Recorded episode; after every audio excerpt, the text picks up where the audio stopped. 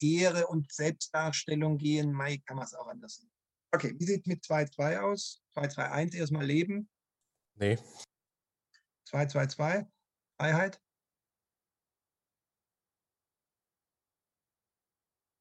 Nein, ein Unternehmen kann nicht eingesperrt werden. Das ist ja auch richtig. So, jetzt wird es interessant. 3. Wir können gerne die ganzen drei nehmen. Von mir ist auch erstmal 3-1. Wesensmäßig anwendbar, Gleichheitssatz. Würde ich schon sagen. Also Ah, ja, ja. auch juristische Personen können ja Aha. ungleich behandelt werden, auch gegenüber anderen juristischen Personen. Einverstanden. Bleiben Sie mal kurz in der Leitung, wenn ich darf. Was ist mit 3.2? Nur um das jetzt deutlich zu sagen, da sieht man es ganz schön. Männer und Frauen sind gleichberechtigt. Oder bei 3.3 das Geschlecht.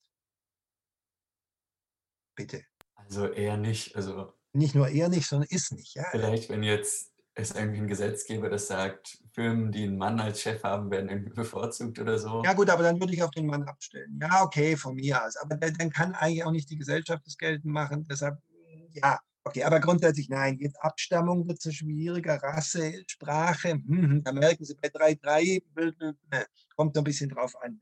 Heimat, Herkunft eigentlich auch nicht, im engeren Sinne Glaube auch nicht, aber äh, ja, also 3-3 ist so ein bisschen schwierig, je nachdem. Jetzt 4, wie sieht es da aus? Ja, haben wir bei den Kirchen. Schönes Beispiel, Kirchen und wenn das halt dann privatrechtlich organisiert ist, natürlich trotzdem. Okay, 5, 5-1, jetzt kommen wir in unser Thema rein, 5-1-1, Meinungsfreiheit. Kann Ja. eine, ja, Sie können immer so die Kontrollfrage stellen, kann eine juristische Person eine Meinung haben? Ja, kann sie. Kann eine juristische Person Presse machen? Ja, Ja, okay, gut. Kann eine juristische Person Wissenschaft, Kunst, Forschung und Lehre machen? Ja, Universitäten. Ja, genau. Einverstanden. Okay, Sie haben das System drauf. Wir machen gleich weiter. Ich mache nur schon mal hier ein Pluszeichen hin, dass wir es nachher nicht vergessen für unsere hier. Und nochmal zum Kollegen Ellemann. Natürlich können wir losgelöst einfach abstrakt sagen, wir haben jetzt welche gefunden, wo wir Ja gesagt haben, wäre okay. Sie könnten aber natürlich jetzt auch schon mit 511 und 512 operieren. Wie gesagt, wie Sie mögen. Gut, weiter. 6. Jetzt wird spannend. Was halten Sie von 6? 6.1. Ehe und Familie. Werden Sie sagen, ist er verrückt geworden? Naja, Verschmelzung. GmbH mit anderer GmbH verschmolzen oder sowas? nein. Ja, wird man auch Also sagen, das ist ja nein, das rein ist, zivile Recht und ja, okay. Und man wird halt sagen, Ehe und Familie meint wirklich die Verbindung von zwei Menschen. Äh, Geschlecht jetzt egal, aber jedenfalls, ja, okay, einverstanden. Dann natürlich auch alles, was mit den Kindern ist. Bitte, jetzt machen Sie nicht irgendwelche Gesellschaftsverhältnisse mit abhängigen Gesellschaften. Das ist nicht 6,5 und sowas. Da gibt es auch keine unehelichen. So, sieben, ja, Mai. Wenn Sie sieben, fünf, äh, sieben, vier und sieben, fünf nehmen, so mit den Volksschulen, da kann es halt schon wieder passen. Ja, von wegen Träger einer Schule ist typischerweise eine juristische Person. So acht, auch ganz interessant, was halten Sie von acht? Versammlungsfreiheit? Personale Substrat oder grundrechtstypische Gefährdungslage? Jetzt, jetzt kommt es zum Schwur, würde ich sagen. Was meinen Sie? Keine Angst. Trauen Sie sich. Ja, Was stellen Sie sich dabei vor? Beschreiben Sie mal. ähm, ja, wenn es irgendwie, sag ich mal, eine, also eine Veranstaltung oder eine Versammlung unter, unter dem, also unter einer juristischen Person im Endeffekt organisiert wird und die dann verboten wird, dass man dann sagt, Mhm. Okay, meinetwegen, Sie demonstrieren, was ist gerade bei Siemens, wo Werksschließungen drohen, die Siemens-Leute demonstrieren. Ich frage zurück, demonstriert Siemens? Ich hätte eher an einen, so einen, an einen Umweltverein gedacht. Ah, okay, okay. Jetzt ist die Frage, wie der verfasst ist, aber sagen wir eingetragener Fall. Okay. Mhm. Ja, okay, lässt sich hören. Da könnte man es überlegen. Also bei dem Beispiel, die Siemens-Mitarbeiter, würde ich sagen, naja, der demonstriert halt nicht Siemens. Jetzt meinetwegen demonstrieren nicht gegen eine Werkschließung, sondern für eine andere Umweltpolitik. Was der Kuckuck. Ja, also bei 8 ist echt schwierig. Da ist umstritten, ob man nicht doch die, ich meine, auf der Straße stehen nachher Menschen. Ne? Natürlich können die einer juristischen Person angehören, aber es stehen da Menschen und, pardon, weggeknüppelt werden die Menschen nachher, nicht die juristische Person. Also ich meine, da ja kann man auch- sie, ja, pardon? Aber es würde ja auch bei der Versammlungsfreiheit zum Beispiel ein Eingriff in das Recht des Organisators sein, wenn die Versammlung abgeblasen wird, selbst wenn der Organisator nicht da ist. Und wenn der Organisator dann eine juristische Person ist, dann finde ich, muss das auch geschützt sein. Ja, okay. Aber jetzt merken Sie, das ist halt genau das Problem mit diesem personalen Substrat. Wenn man da sagt, stehen die Menschen auf der Straße, kommt man dazu, geht nicht. Wenn Sie sagen, grundrechtstypische Gefährdung, sage ja auch ein Kollektiv, eine juristische Person kann sowas organisieren. Natürlich kann das nicht demonstrieren das Kollektiv. Meine, die GmbH kann nicht auf die Straße gehen oder der Verein, aber Leute dafür und Organisator kann trotzdem. Ja, ist richtig, lässt sich hören. Gut. Ist wohl auch herrschende Sicht, dass es geht. Jedenfalls, was das Veranstalten angeht. Okay. Neun, jetzt bin ich gespannt, was Sie zu neun sagen. Einigungsfreiheit und von mir aus auch 9.3 speziell Koalitionsfreiheit.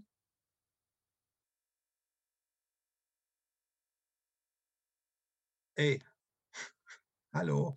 Also ich würde ja sagen. Ja, würde jemand noch weitergehen? Herrschende Sicht ist, wir brauchen gar kein 19.3, weil das geht nur für das Kollektiv, jedenfalls die kollektive Seite davon. Ja? Die können als natürliche Person überhaupt keine Koalition bilden.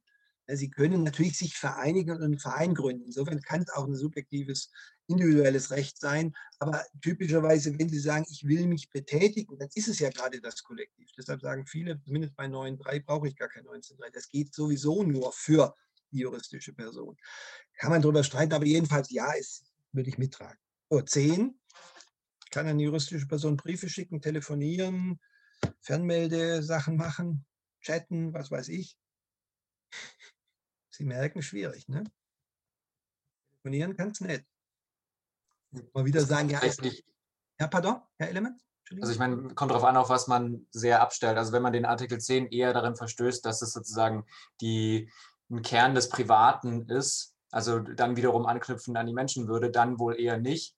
Mhm. Allerdings gibt es auch, also ich kenne einen Fall aus dem Europarecht, da ist es dann so, dass wenn die Kommission zur Deutschen Bahn AG zum Beispiel geht und im Rahmen von einem Kartellrechtsfall irgendwelche riesige Ermittlungen anstellt, mhm. dann können sich die trotzdem auf ihr Recht auf ihr mhm. Briefgeheimniskorrespondenz berufen. Okay, einverstanden. Völlig richtig. Genau, das ist der Punkt. Jetzt merken Sie wieder, ich will ja nur mit Ihnen die Merkmale durchspielen. Wenn Sie so dieses personale Substrat nehmen oder diese Durchgriffshaftungsidee, dann sagen Sie, da steht ein Mensch dahinter. Naja, beim Brief steht ein Mensch dahinter eigentlich. Aber es gibt halt auch Geschäftspost, ja, oder Geheimnisse, die über Telefon zwischen Firmen ausgetauscht werden. Also geht wohl. Ja, herrschende Sicht, ja. So, Freizügigkeit. Das ist jetzt echt eine böse Falle, weil wenn Sie an Pensionsrecht denken, gibt es natürlich die Grundfreiheiten, auf die nach europäischer Sicht sich auch juristische Personen berufen können. Die Arbeitgeberfreizügigkeit, Arbeitnehmern funktioniert es nicht, weil da gibt es nicht äh, juristische Personen, aber bei Arbeitgebern jedenfalls passt schon. Was würden Sie sagen? Ich würde sagen, es ist eher die Freizügigkeit von natürlichen Personen schon gemeint. Und wenn, wenn jetzt ein Unternehmen irgendwie da beschränkt wird, dann soll es sich auf Artikel 12 berufen. Hm? Okay, einverstanden. Also wenn es um den Sitz geht, jemand darf sich irgendwo nicht niederlassen, ist es eher 12 würde ich auszusehen. Das ist wirklich personales Substrat, da ist der Mensch mit gemeint. So herrschen Aber äh, natürlich alles auch immer umstritten, deshalb reden wir ja drüber. So, wir sind gleich durch, keine Sorge. Wie ist mit 12? Herr Gabrisch hat es ja gerade schon angesprochen. Beruf, Arbeitgeber ist typischerweise sogar eine juristische Person. Ja, das geht, obwohl man natürlich eigentlich vor Augen hat, der Arbeitnehmer, der arbeitet, ist ein Mensch, aber Sie merken, personale Substrat, ja, funktioniert nicht immer so hundertprozentig. So, 13, auch ganz spannend. Würden Sie zu 13 sagen, Wohnung? Vielleicht die Geschäftsräume? Einverstanden? Ja, wenn man die mit einbezieht, ja. Natürlich wohnt im engeren Sinne in der Wohnung, schläft, isst und eine juristische Person nicht, aber zumindest die Geschäftsräume, die wir mit reinnehmen wollen, wenn wir sagen, auch da passieren, Anführungszeichen, persönlichkeitsrelevante Dinge. Sie erinnern sich an oben wegen Persönlichkeitsrecht. Ja, ist drin. Okay, 14. Leute, 14. Ja, eine juristische Person kann auch Eigentum haben. Wie sieht es mit Erbrecht aus? Der ist ja auch in 14 noch geschützt. Ja, geht auch. Ja. Sie können auch einer juristischen Person, Sie können ja auch dem Staat vererben. Also geht auch. Okay? 15 ist kein Grundrecht, 16, 16a hatten wir, geht nicht. 17 Petitionsrecht, Mai kann man so und so sehen, auch eine juristische Person kann petieren, also von mir aus. Ja. So, damit haben wir im Prinzip alle, jetzt können Sie noch 19.4 nehmen, auch das ist denkbar. Ja. Effektiver Rechtsschutz kann auch eine juristische Person nötig haben. So, also Jetzt könnte man noch die Grundrechtsgleichen durchgehen. Ich will es nur an einem Beispiel noch zeigen. Auch da kann man den Gedanken anwenden. Natürlich beim Wahlrecht, bei der Wahlrechtsgleichheit, ich meine, juristische Personen dürfen nicht wählen. Punkt. Ende. Also ist nicht. Wären die Verfahrensgrundrechte hinten herrschender Sicht gar nicht unter 19.3 fallen, sondern sozusagen unabhängig davon allen zustehen, eben auch dem Staat. So, jetzt haben wir das sehr breit gemacht, aber es ist vielleicht ganz gut, das nochmal zu wiederholen. Und ich fand diesen Durchgang durch die Verfassung, durch die Grundrechte nochmal ganz lehrreich, um zu zeigen, dass diese Merkmale, ja, also ich habe so ein bisschen immer die Sorge bei diesem personalen Substrat, wo halt immer die Frage gestellt wird, steht da ein Mensch dahinter? Ich war Durchgriffshaftung. Hm, das ist manchmal so ein bisschen unscharf. Mir scheint das mit der grundrechtstypischen Gefährdungslage besser zu passen. Da kommen Sie eher dahin. Aber machen Sie es, wie Sie es wollen. So, letzte Anmerkung zu dem Punkt. Wir sind ja bei Beschwerdeberechtigung und Beschwerdefähigkeit und reden über juristische Personen. Man kann an der Stelle, analog zum bayerischen Verfassungsrecht, natürlich jetzt auch überlegen, sozusagen Prozessfähigkeit. Wer vertritt die? Das kann man da schon bringen, weil die juristische Person ja nicht sprechen kann. Wir haben keinen 30 Verfassungsgerichtshofsgesetz auf Bundesebene man kann trotzdem versuchen, mit den allgemeinen Grundsätzen zu operieren. Würde hier also meinetwegen noch dahinter sagen, vertreten werden muss sie durch ihr gesetzliches Organ und das ist bei der AG nach Aktiengesetz eben der Vorstand. Fertig. Wir haben keine Norm. Wenn Sie kurz ins Bundesverfassungsgerichtsgesetz blättern, im 22 steht was zur Postulationsfähigkeit. Das ist aber auch das Einzige. Und da steht drin, bei der Verfassungsbeschwerde einlegen kann man es ohne Anwalt. In der mündlichen Verhandlung braucht man Anwalt oder eine Anwältin er nicht.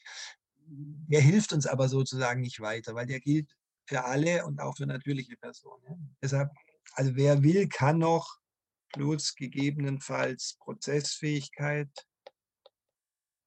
Juristischen Personen muss halt irgendeiner kommen, der wirklich sprechen kann oder schreiben kann. Würde man letzten Endes sagen, 78, 1, Aktiengesetz, der Vorstand, ohne dass wir eine Norm haben, die uns ins Aktiengesetz führt. Wir haben halt nicht 61, 62 farbige. Jetzt können Sie die von mir aus analog nehmen. Sie können natürlich aber auch die ZBO-Vorschriften nehmen. Problem. Gut.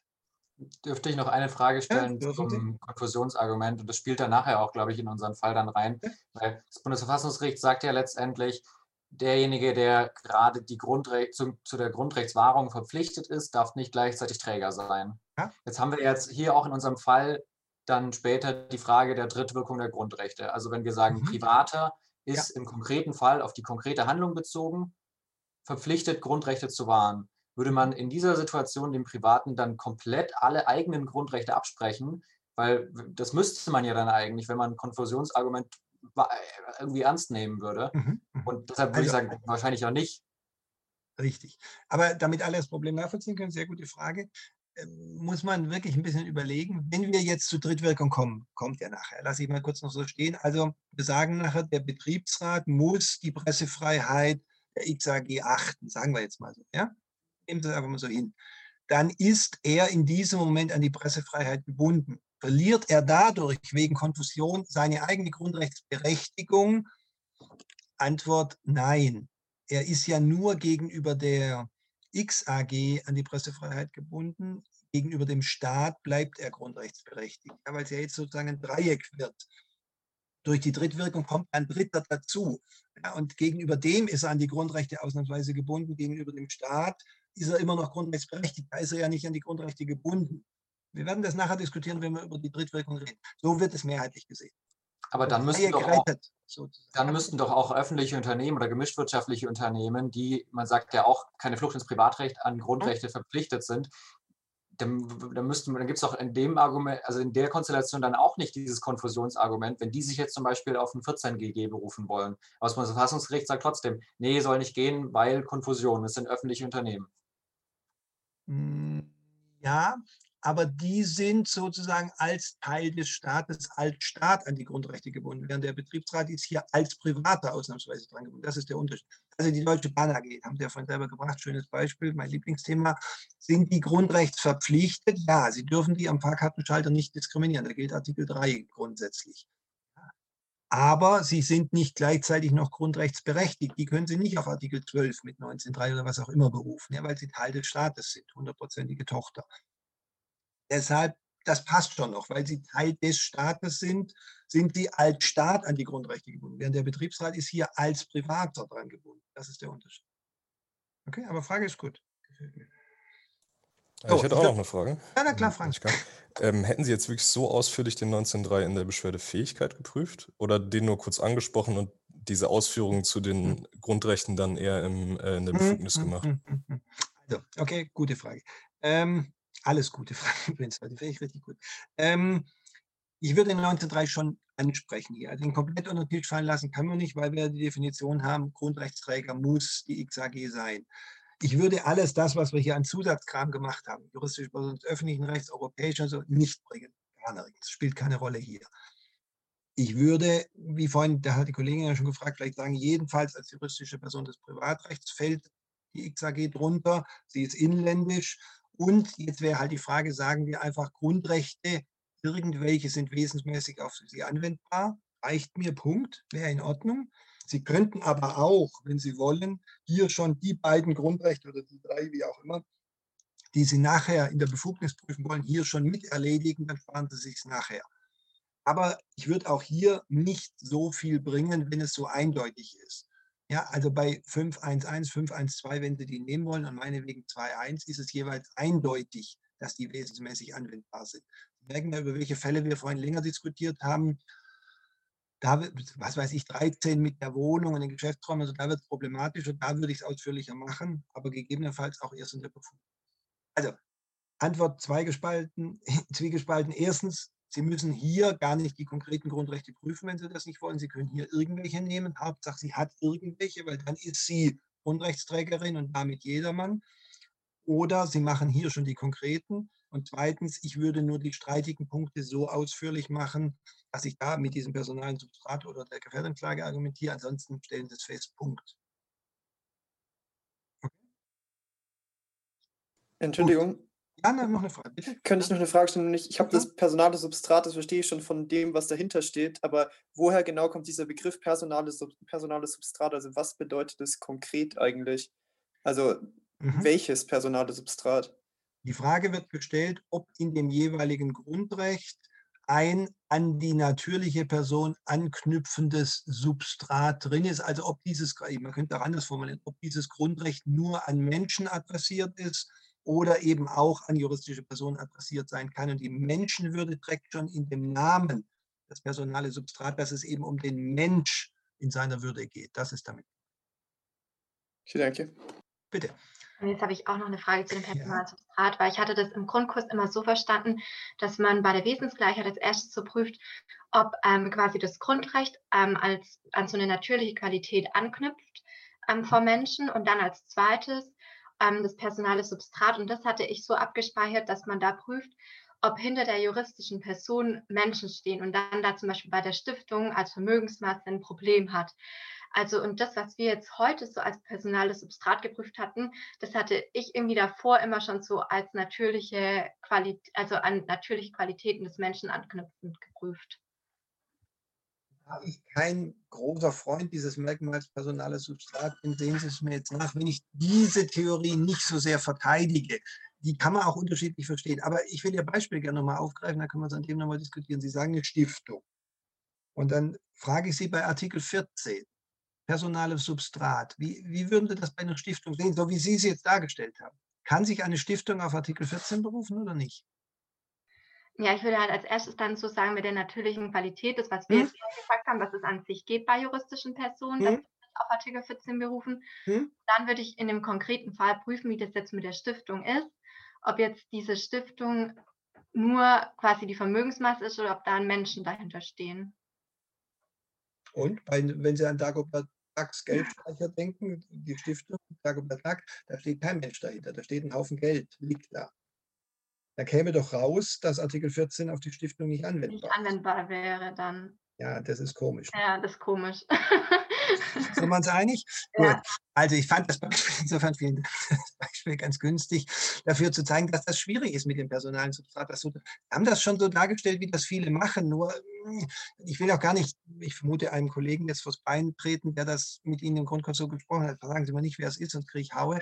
Aber ähm, ich habe da Schwierigkeiten mit, sage ich ganz einfach. Das kann man gerne so machen, aber es holpert irgendwie. Gerade bei so einer Stiftung, das ist ein schönes Beispiel, funktioniert es irgendwie nicht so richtig mir scheint eher diese grundrechtstypische Gefährdungslage nach dem Motto, was will das Grundrecht? Das Grundrecht will das, was man in der Scheune hat, den Bestand dessen, was man erworben hat, schützen. Und da kommt es nicht, jetzt können Sie von mir als personales Substrat sagen, kommt es nicht so sehr auf den Menschen an, sondern auf das Eigentum, das Haben, was halt irgendjemand, und der jemand muss kein Mensch sein, hat.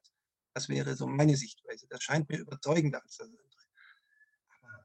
ich glaube, auch die, die personales Substrat äh, sagen, kommen letzten Endes dazu, dass eine Stiftung sich auf Artikel 14 berufen kann. Würde mich jedenfalls wundern, wenn jemand sagt, es geht nicht. Nur, so wie Sie es dargestellt haben, wird es schwierig, argumentativ noch hinzubiegen.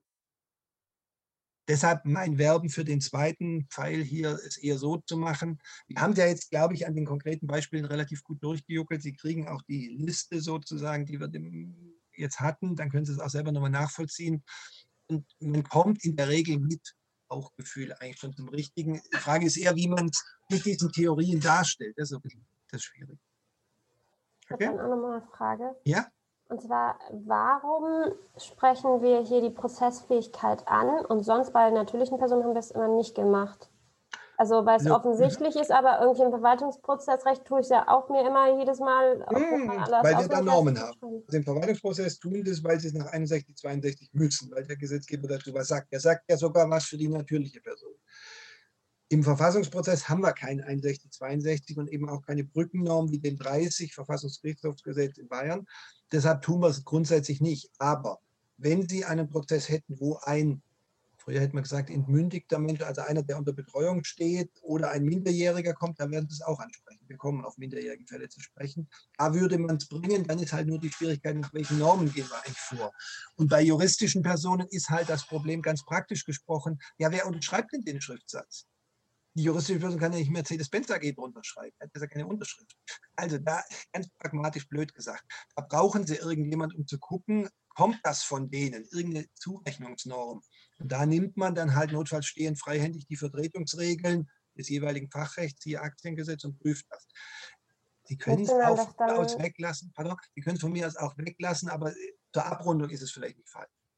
Müsste man es dann, dann nicht ähnlich wie im Zivilrecht eigentlich bei der Prozesshandlung, also bei der Antragstellung machen? Ja, Sie können es bei der Form diskutieren, würde ich mitmachen. Ja, das wäre bei uns ja wahrscheinlich Form. Das ist okay, kann ja. man machen. Ich sehe es halt so als im Verwaltungsprozess sagen ja manche Beteiligung Prozessfähigkeit ist persönliche Sachentscheidungsvoraussetzung, würde ich hier halt sagen, die Beschwerdeberechtigung ist die persönliche Zulässigkeitsvoraussetzung. Aber ist okay, können Sie gerne machen, kein, kein Einwand. Passt.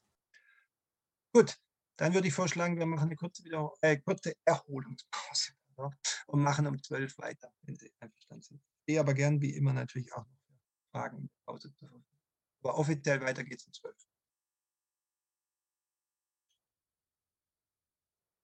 Ähm, ja, ich hätte tatsächlich noch eine Frage. Ja, bitte. Und zwar nochmal ähm, wegen dem 8 jetzt.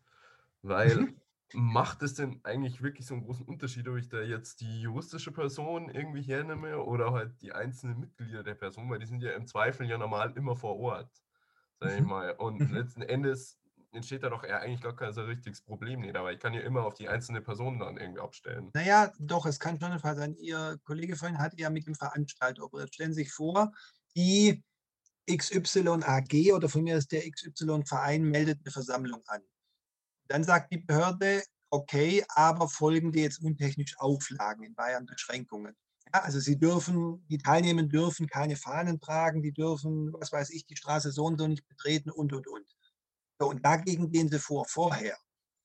Klage, berechtigt in Anführungszeichen, Adressat der Verwaltungsakte, Beschränkungen ist der Veranstalter. Da spielt es dann schon eine Rolle. Ja? ja, aber der Veranstalter ist ja auch wieder eine natürliche Person und Nee, nee, nee, nee, nee, der Veranstalter kann die AG oder der Verein sein. Das ist Ach so, ja okay. Also, aber ich brauche ja trotzdem irgendwie, glaube ich, doch eine natürliche Person, oder? Hätte ich gemeint. Also. Ich muss einen Ansprech, ich muss wiederum einen Vertretungsberechtigten benennen. Ja. Der Brief muss ja an jemanden gehen, der sozusagen mir dann ah, nachher. Ja, ja, okay, gut, ja, dann habe ich die, ja, genau, die zwei Positionen. Da mag es da mag's eine Rolle spielen. Ne? In der Versammlung selber, wenn die aufgelöst wird, werden natürlich Menschen weggetragen oder weggeschickt, wie auch immer. Da sind wir uns einig. Da spielt es dann typischerweise keine Rolle mehr, da werden sich die Menschen wehren. Aber wenn es vorher ist, insbesondere, oder wenn es nachher Sanktionen gibt, wenn es eine OVI gibt, weil irgendwas schiefgelaufen ist, da ist der Veranstalter dran. Wenn man sagt, man lässt juristische Personen als Veranstalter zu, was mehrheitlich so gesehen wird, es muss zwar eine Ansprechperson genannt werden, aber Veranstalter keine juristische Person, dann macht schon Sinn, auch den Artikel 8 darauf auszudehnen. Ja, weil wir dann wieder in dieser grundrechtstypischen Gefährderklage sind. Okay, danke schön. Bitte.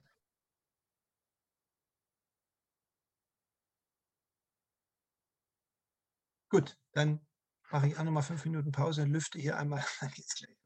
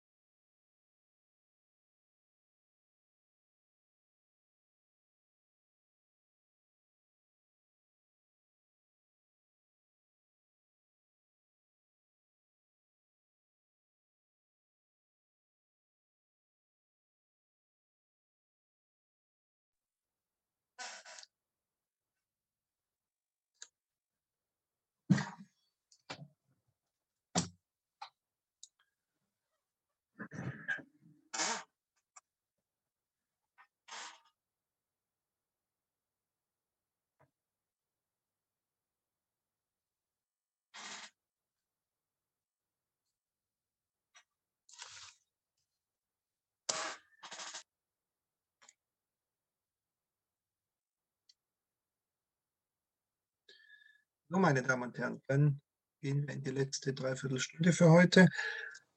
Also wir haben jetzt das Wer, glaube ich, wirklich ausführlich diskutiert und nochmal für alle zur Beruhigung, das muss natürlich nicht so detailliert und mit vielen Rückfragen sein, wie wir es jetzt gemacht haben. Sie merken ja, ich wiederhole bei der Gelegenheit schon auch. Das, was in der Lösung nachher im Kasten steht, ist nicht das, was in die von Ihnen formulierte Lösung gehört, sondern das sind halt Zusatzpunkte bei der Gelegenheit. Okay, wir gehen weiter. Das ist, glaube ich, jetzt ja allen schon sozusagen innerlich geworden, dass nach dem Wer das Was kommt bei der Verfassungsbeschwerde, also jetzt der, wenn Sie so wollen, taugliche Beschwerdegegenstand. Was steht nochmal bitteschön in der Verfassung respektive im Bundesverfassungsgerichtsgesetz? Was ist tauglicher Beschwerdegegenstand?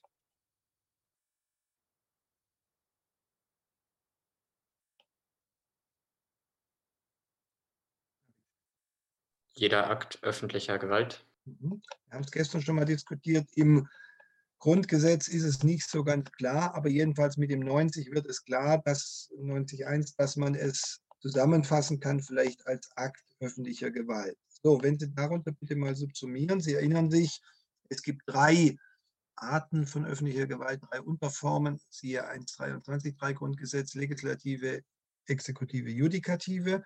Und jetzt ist die Frage, was ist es hier? Was würden Sie sagen?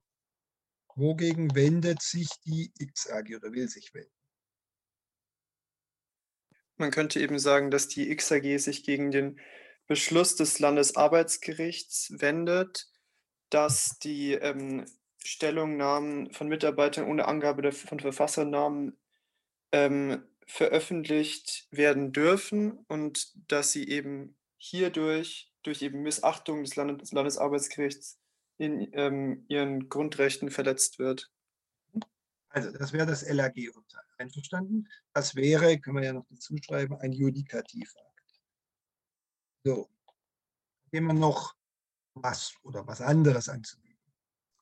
Ich würde eher auf die Abweisung der Nichtzulassungsbeschwerde eingehen, weil das der letzte Akt im Instanzenzug ist. Und wenn wir nur aufs LAG-Urteil abstellen würden, wäre dann später der Rechtsweg nicht erschöpft. Mhm also der BAG-Beschluss über die Nichtzulassung der Rechtsbeschwerde. Jetzt ist das Problem, Sie sind vermutlich im Prozessrecht nicht so drin, müssen Sie auch nicht sein, dass das BAG ja nur da reingeschrieben hat, die Rechtsbeschwerde wird nicht zugelassen. Punkt. Die Gründe des 92a Arbeitsgerichtsgesetz liegen nicht vor. Punkt. Da stehen vielleicht nur drei Sätze, was weiß ich. Punkt. Die haben also in der Sache gar nichts gesagt. Der Kollege hat aber das Argument schon gebracht, von der Logik her ist das BAG die letzte Instanz gewesen, hat als letztes was gesagt. Das hat halt nur nichts über den Fall, jedenfalls nichts über die Grundrechte gesagt. Wie könnte man sozusagen beide zusammenbinden jetzt? Man könnte ja sagen, dass einfach darin, dass das BAG verkannt hat, dass die Grundrechte hier verstoßen würden. In Klammer, wenn wir am Ende des Tages halt dazu kommen, dass der verstoßen wurde, dann mhm. wurde in diesem sehr kurzen die Grundrechte verletzt. Mhm lässt sich hören, dass Sie sagen, die hätten halt eine inhaltliche Aussage treffen müssen, wenn das gecheckt hätten, salopp formuliert. Ja, lässt sich hören. So könnte man es machen. Also Sie plädieren dafür, das BAG zu nehmen. Ähm, wer plädiert für was anderes? Wer bietet mehr? Könnte man nicht nach der, nach dieser, wir haben das ja einmal so, den ganzen, als wir mhm. diesen VA hatten, im Prinzip das, mhm. den gesamten juristischen Vorgang vor der, Legisla vor der. Also dann müssten Sie hier noch das Arbeitsgerichtsurteil dazu nehmen, obwohl da ja die XAG gewonnen hat. Das ist sozusagen da das Problem positiv für X. Aber in der Summe würden Sie sagen, Sie nehmen alles zusammen. Wie war das Schlagwort dafür, dass Sie das verbinden? Prozessuale Einheit. Mhm, Dankeschön. Das ist die sogenannte prozessuale Einheit. Jetzt hatte die Kollegin gerade netterweise schon gesagt, wir haben das gemacht, wo ein VA am Anfang stand. Was steht denn hier am Anfang? Was war denn vor dem arbeitsgerichtlichen Urteil? Muss ja irgendwas vorher gewesen sein. Jetzt können Sie sagen, die Klage, okay, aber noch davor? Das Verlangen des. Ja, genau. Also, jetzt gibt es ja eigentlich hier vorne noch das Verlangen des Betriebsrates. Müssen wir das jetzt auch noch mit in die Kette nehmen? Das wäre jetzt eigentlich die ganze Kette. Müssen wir das mit reinnehmen? Das ist ja kein Akt der öffentlicher Gewalt. Aufpassen. So, das fliegt raus, weil es ein Akt öffentlicher Gewalt sein muss. Und damit sehen Sie hier jetzt zum ersten Mal was, wenn die Kette so abreißt. Wenn da VA stünde, wäre der drin. Ne? Sind wir uns einig. Was sehen Sie hier jetzt schon mal? Herr Ellemann hat es vorhin schon mal angedeutet. Was für ein Thema kommt jetzt? Warum reißt die Kette ab? Es fängt mit einem Privaten an, weil wir in der Drittwirkung drin sind. Ja, das ist sozusagen das Besondere. Das ist das erste Mal, wo die Drittwirkung aufblinkt, wenn Sie so wollen, deshalb gelb. Ähm, ja, okay. Der, also, es kommt zum ersten Mal hier sozusagen in Ihr Bewusstsein, es geht eigentlich mit privaten Aktionen los. Natürlich können Sie immer sagen, auch wenn es ein VA gibt, klagt der Bürger dagegen. Ja, aber da gibt es halt vorher den VA. Ja, stellt er vielleicht einen Antrag, aber die erste echte Entscheidung ist die, der Behörde, VA. Hier ist die erste Maßnahme, die den ganzen Streit auslöst, ein Verlangen des Betriebsrates. Da handelt also ein Privater.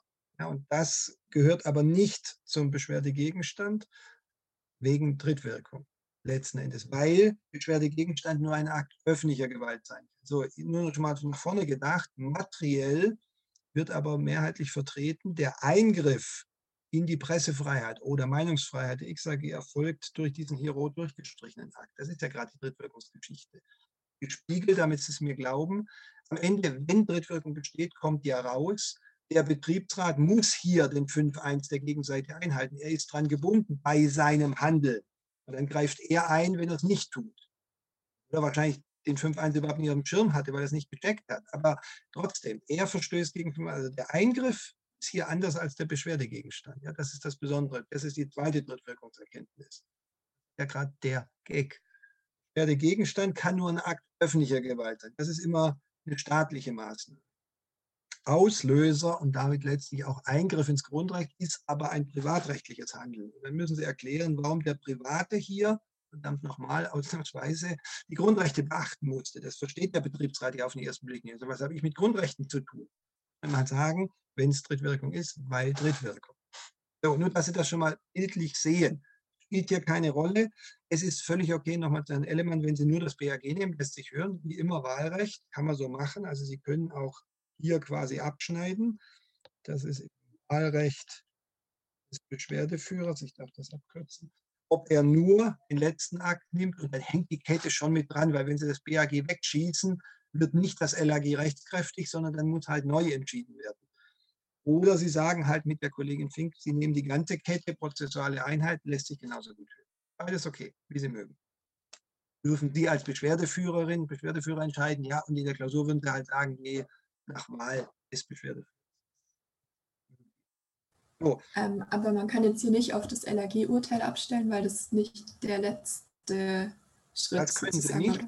Okay. können nicht nur das LAG-Urteil sich rauspicken und Sie können übrigens auch nicht, wenn das Arbeitsgericht so rum entschieden hätte und die anderen nicht mehr, das auch nicht, weil dann sind sie nicht mehr beschwert, weil die Kette halt bewirkt, dass jetzt eigentlich nur noch im Raum ist, so hat es Herr Ellemann ja auch erklärt, nur noch der BAG-Beschluss, der sagt, es gilt halt das und das. Alle anderen sind ja konsumiert, wenn Sie so wollen, aufgesogen. Das LAG hat ja gesagt, arbeitsgerichtliches Urteil wird dahingehend abgeändert. Das BAG hat gesagt, LAG-Urteil bleibt bestehen, sinngemäß. Aber damit hat es sich den Beschluss oder das Urteil des LAG zu eigen gemacht und damit war es dann halt verschmolzen.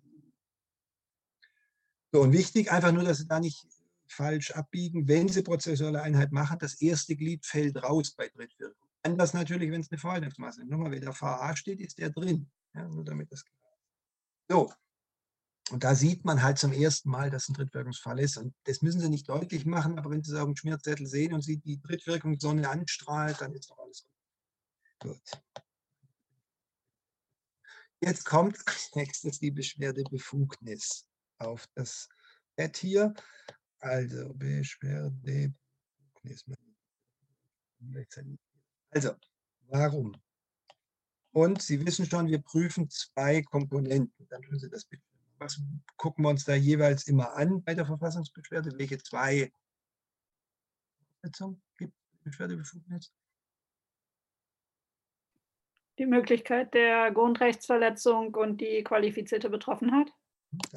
Also mögliche Grundrechtsverletzung ist der erste Punkt und hinten dran, ich schreibe nachher hin, kommt die qualifizierte Betroffenheit. So, Jetzt muss also möglich sein, dass die XAG, jetzt können Sie schon sagen, durch das Verlangen des, Arbeits, äh, des Betriebsrates, was durch die Gerichte letztlich bestätigt wurde, die Pressefreiheit oder Meinungsfreiheit oder Handlungsfreiheit oder oder oder Freiheit verletzt ist.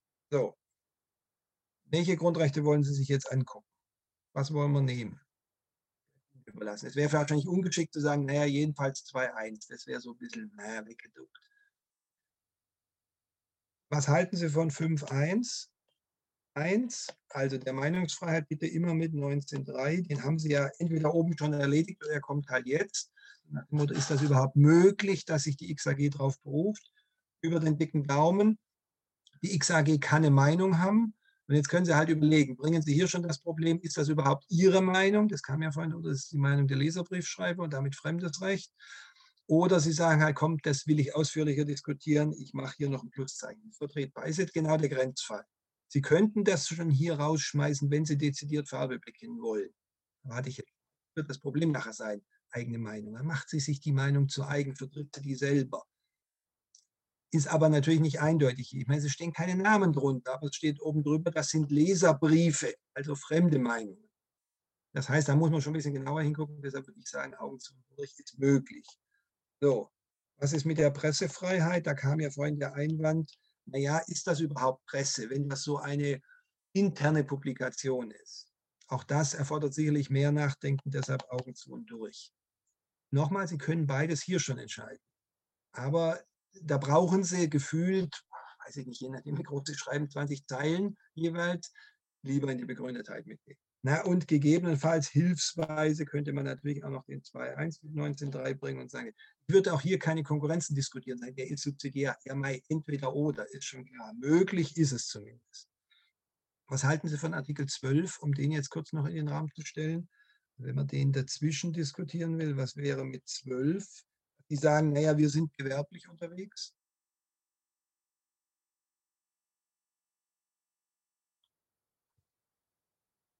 Was halten Sie von 12? Die XAG ist ein Wirtschaftsunternehmen. Kann die sich auf ihre Berufsfreiheit berufen und sagen, man darf mir nicht in meine, Verein, in meine gruppeninterne Veröffentlichung, in meine Betriebszeitung einreden? Naja, bei der Berufsfreiheit geht es ja um eine Tätigkeit, die zur Schaffung der Lebensgrundlage dient oder des Lebensunterhalts. Mhm. Und ähm, das ist die Veröffentlichung der Betriebszeitung ja eigentlich gerade nicht. Also die, die hat damit wenig zu tun, selbst wenn die XAG eine Art Lebensunterhalt bestreiten könnte, dann äh, wäre das ja eher in ihrem normalen Wirtschaft. Aber wenn die jetzt da voll Stimmung gegen den Betriebsrat macht und alle Mitarbeiter auf ihre Seite zieht, sind die total motiviert und arbeiten doppelt so schnell am Band. Und doppelt so viel Geld darum. Das ist Mitarbeitermotivation, was die da machen. Versuch sie zu provozieren.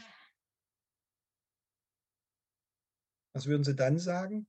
Also wenn man diese These so mitträgt, dann können Sie dagegen halten und sagen, ist Quatsch. Aber wenn man das so sieht, dann würde ich trotzdem sagen, dann ist wohl 5.1 spezieller, wenn es dann um die Presse geht. Also könnte man da sicherlich Minus sagen, entweder weil es schon gar nicht gegeben ist, bin ja durchaus bei Ihnen, oder Sie sagen halt, naja, das sind die anderen spezieller. Ich will zeigen, so eine Spezialität kann man hier schon bringen.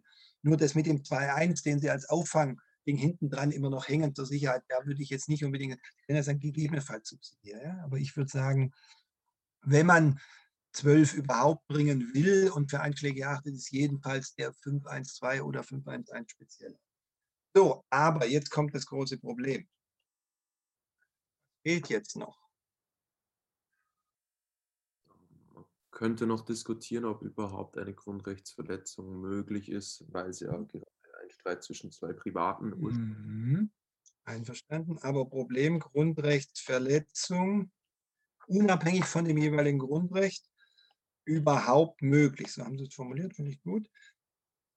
Das sicherlich mal in den Raum stellen. Warum hier Betriebsrat gegen XAG gleich, man soll salopp sagen, Privat oder von mir aus Arbeitsrecht. So, und da gelten keine Grundrechte, meine Damen und Herren, grundsätzlich. So, also gelten dafür Grundrechte.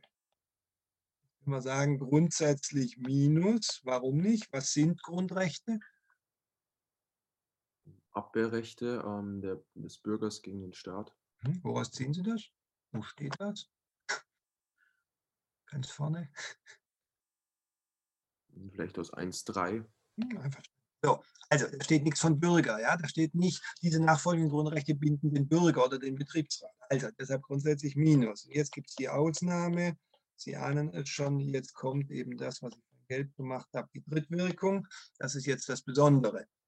Und das würde ich in der Tat schon in der Befugnis bringen. So, wenn Sie sich jetzt wieder die Frage stellen, muss ich das zweimal bringen?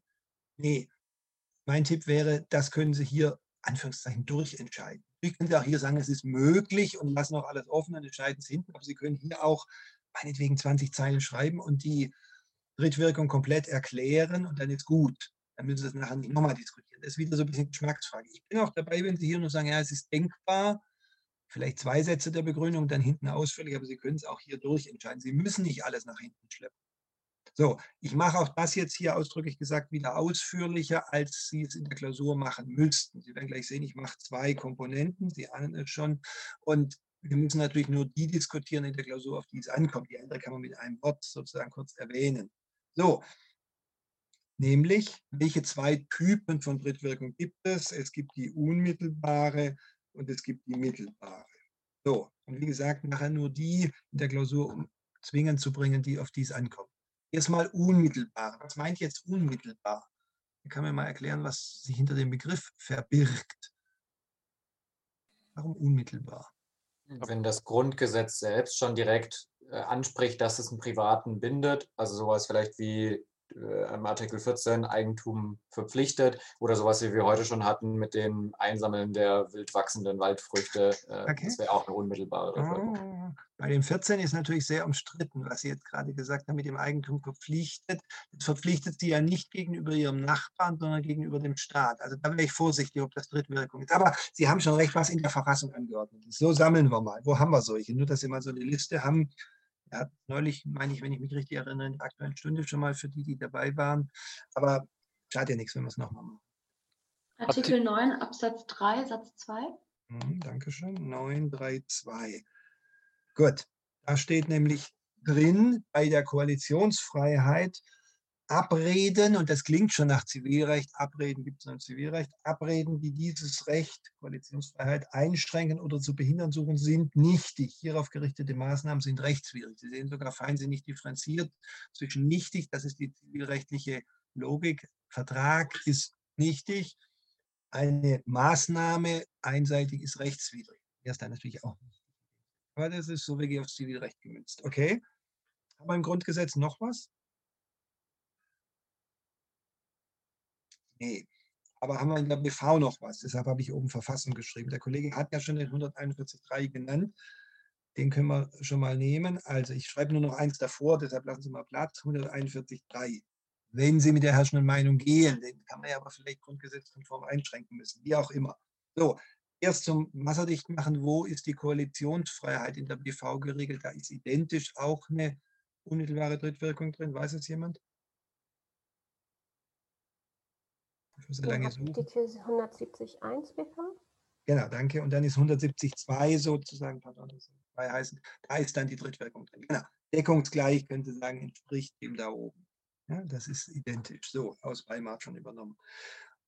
Und jetzt gibt es noch die Besonderheit, und das ist das Schöne in der BV, es gibt immer noch ein Zuckerle, es gibt den 110.1.2. Der wäre vielleicht sogar für unseren Fall interessant, wenn es in Bayern spielte. Nämlich, es gibt eine Drittwirkung bei der Meinungsfreiheit in Bayern. So, können wir auch mal kurz lesen, damit Sie die Schönheit der Formulierung aussehen. Also 110.1.2, erstmal 110.1.1, jeder Bewohner Bayerns hat das Recht, seine Meinung bla bla bla frei zu äußern. Und jetzt kommt, an diesem Recht darf ihn kein Arbeits- und Anstellungsvertrag hindern und niemand darf ihn benachteiligen, wenn er von diesem Recht Gebrauch macht. Niemand ist jede private Person. Das sehen Sie auch in dem Arbeits- und Anstellungsvertrag die Freunde, die jetzt gleich wieder überlegen, ob das Grundgesetz konform ist, weil es natürlich zu Lasten des Arbeitgebers geht, so Stichwort Artikel 12 der Gegenseite, ja, auch darüber kann man nachdenken. Das überschießend ist, aber zu Lasten eines Dritten, wegen Drittwirkung, kann man darüber nachdenken, ob der 107.1.2 auch Verfassung oder grundgesetzkonform so ausgelegt werden muss, dass es nicht gilt. Man ist sich aber einig, dass auch auf Bundesebene jedenfalls einfach rechtlich Maßnahmen diskriminierend sind, AGG und solche Kisten, wenn jemand seine Meinung sagt und deshalb gekündigt wird. Ja? Aber ist halt die Frage, ist nur einfach rechtlich. In der Verfassung wird schwierig.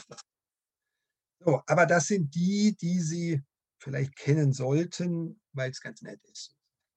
Gut, das ist unmittelbar Drittwerk. Ist unser Fall nicht. Der hier 110.1.2 könnte es ja theoretisch sein, aber wir sind halt nicht in Bayern unterwegs, sondern wir prüfen auf Bundesebene. So, was ist jetzt mittelbare Drittwirkung? Bitte schön. Wenn man auslegungsbedürftige ähm, Normen hat oder die halt irgendwie füllen muss, also beispielsweise 242, äh, doch zu 42 BGB. Ja.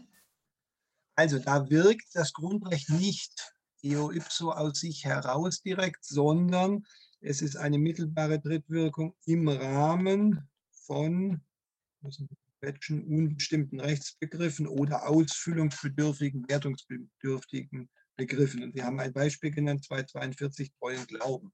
Anderes Beispiel aus dem Kündigungsrecht, wichtiger Grund. Ja, auch das ist ausfüllungsbedürftig. Und, und, und Billigkeit bei 15. Wir kommen gleich noch auf das konkrete Beispiel hier. So, warum wirken da Grundrechte mittelbar dritt? Das müssen Sie irgendwie erklären. Da gibt es ja keine Norm, die das sagt. Wenn im einfachen Recht irgendwas Unbestimmtes gelten die Grundrechte. Woher kommt das? Ich hätte an Artikel 1 Absatz 3 angeknüpft und gesagt, mhm. die an die Grundrechte eben gebunden und dementsprechend müssen sie sie auch bei der Entscheidung, sprich der Auslegung von unbestimmten Rechtsbegriffen berücksichtigen. Okay, einverstanden. Also Sie würden sagen, das Arbeitsgericht jetzt in unserem Fall muss bei irgendeinem unbestimmten Rechtsbegriff, nehmen Sie vertrauensvolle Zusammenarbeit von Betriebsrat und Arbeitgeber, die Grundrechte berücksichtigen. Dann wäre es aber so gesehen keine Drittwirkung, weil das Gericht ist ja nach 1.3 sowieso schon gebunden. Dann mache ich jetzt mal kurz den Betriebsrat und sage Ihnen ja, warum muss ich mich dran halten? Was geht mich das an? Das Gericht muss das meinetwegen machen, aber warum muss ich Betriebsrat mich dran halten? Sie merken, da liegt das Problem. Es ist immer die Diskussion, ob es eigentlich Drittwirkung überhaupt noch gibt. Mit Ihrer Sichtweise, die weit verbreitet ist, und ich will die gar nicht abwerten, nur einfach äh, vor Augen führen Ihnen, brauchen Sie keine Drittwirkung, weil dann sagen Sie, das Gericht ist dran gebunden. Ja, das ist schon richtig. Das stimmt. Aber Sie müssen ja überlegen, warum muss der Private letztlich sich gefallen lassen, wenn das hier so ist, dass der Betriebsrat gesagt kriegt, du Betriebsrat, du Privater, musst dich an die Pressefreiheit der XAG halten. Du darfst die nicht einschränken. Das müssen Sie erklären, diese materielle Bindung. Dass das Gericht das machen muss, geschenkt, ja, gebe ich zu. Aber der Private muss sich ja materiell dran halten. Dafür brauchen wir Drittwirkung. Das wird ja im Sachverhalt so ein bisschen auch angedeutet. Der Betriebsrat sagt, ja, ich habe damit nichts zu tun. Ja? Wie könnte man das noch erklären? Also deshalb mit 1.3 bin ich noch nicht völlig glücklich. Reicht mir noch nicht. Man könnte das rechtsphilosophisch mit dem Gesellschaftsvertrag begründen. Ja, Sie gehen zu Herrn Rousseau, ja, okay. Da gibt es immer mal Kritik, weil Leute dann dabei sind, die sagen, oh, der Kramer überdehnt den Rousseau. Aber ich finde es gut, ja. Also Sie sagen Gesellschaftsvertrag. Also Rousseaus Idee ist, die Menschen, die sich zu einem Staat zusammenschließen, einigen sich auf eine gemeinsame Basis, auf der wir uns bewegen. Und das ist dieser Gesellschaftsvertrag. Wir einigen uns darauf, was gut und was schlecht ist, so jetzt verkürzt gesagt. Und Sie würden sagen, wenn ich den Gedanken übernehmen darf, die Menschen in diesem Staat haben sich nolens volens, sie sind hier geboren worden. Sie haben nicht gesagt, ja, ich will, sondern sind halt hier auf die Welt gekommen und sind nicht ausgewandert und deshalb haben sie es akzeptiert, sozusagen den Gesellschaftsvertrag, die Basis der Grundrechte.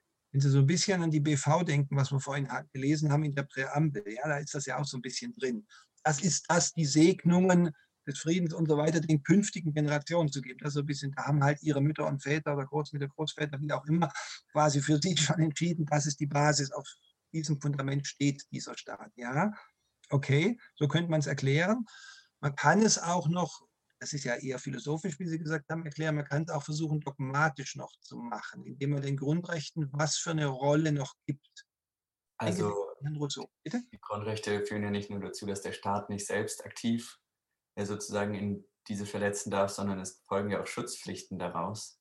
Mhm. Also sonst könnte man sich ja auch fragen, irgendwie 212 StGB, warum muss ich jetzt hinnehmen, dass ich keinen umbringen darf, so ungefähr.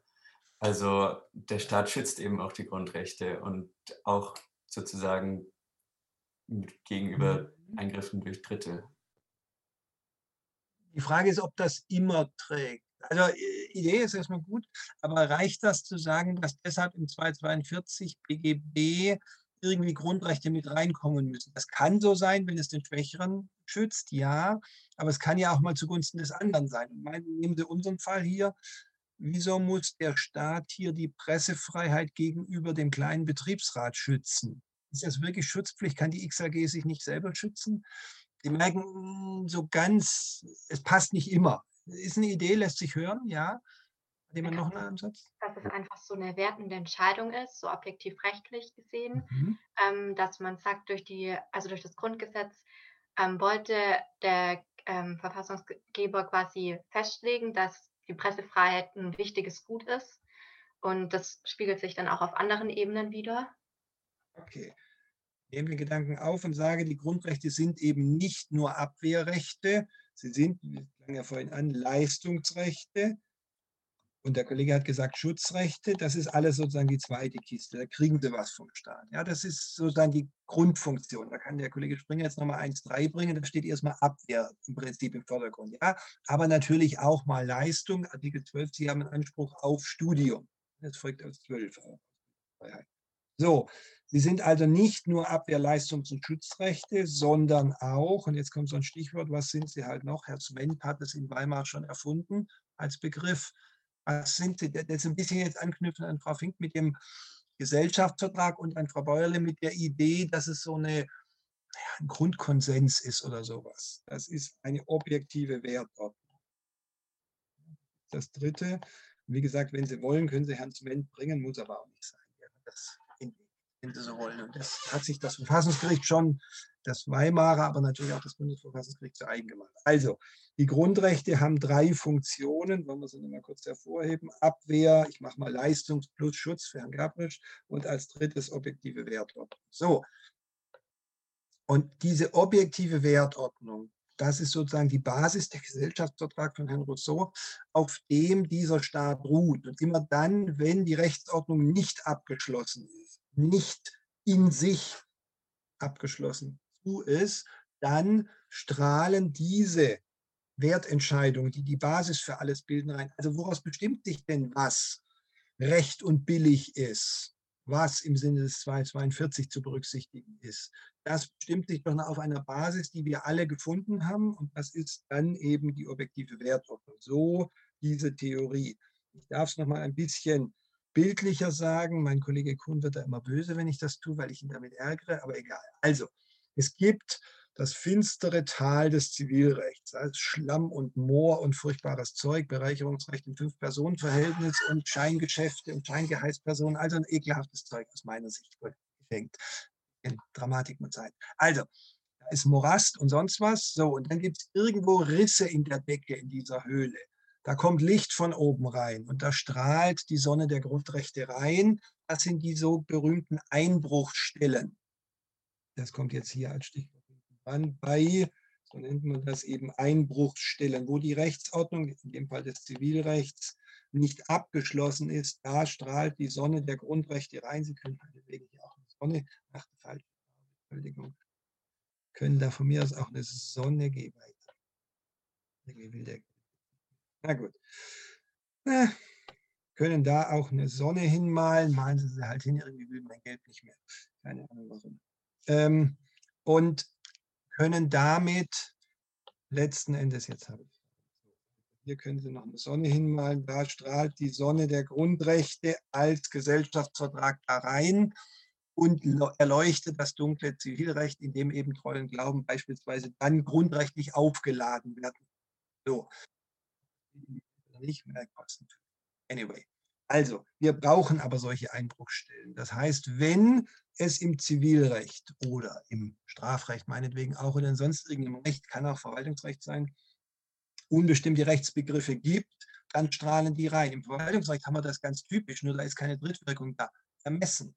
Ermessensfehler, die Verwaltung kann irgendwas tun. Ermessensfehler sind, wenn sie bei dem kann nicht die Grundrechte berücksichtigt. Das sind Ermessensschranken. Auch das ist so eine Einbruchstelle. Also auch das, das sage ich dann immer zur Beruhigung von Herrn Kuhn, auch das Verwaltungsrecht ist ein tiefes, sumpfiges Tal. Und da strahlt auch die Sonne der Grundrechte rein, nämlich bei unbestimmten Rechtsbegriffen wie kann, ermessen. nur es ist keine Drittwirkung, weil es Zweitverhältnis Bürger-Staat ist. Jetzt eben auch im Drittverhältnis Bürger-Bürger. So, und jetzt zurückgekoppelt hier. Wann ist, also wer kann es mir nochmal formulieren, wann ist es möglich, dass im Verhältnis zwischen Betriebsrat und XAG Grundrechte verletzt sein können?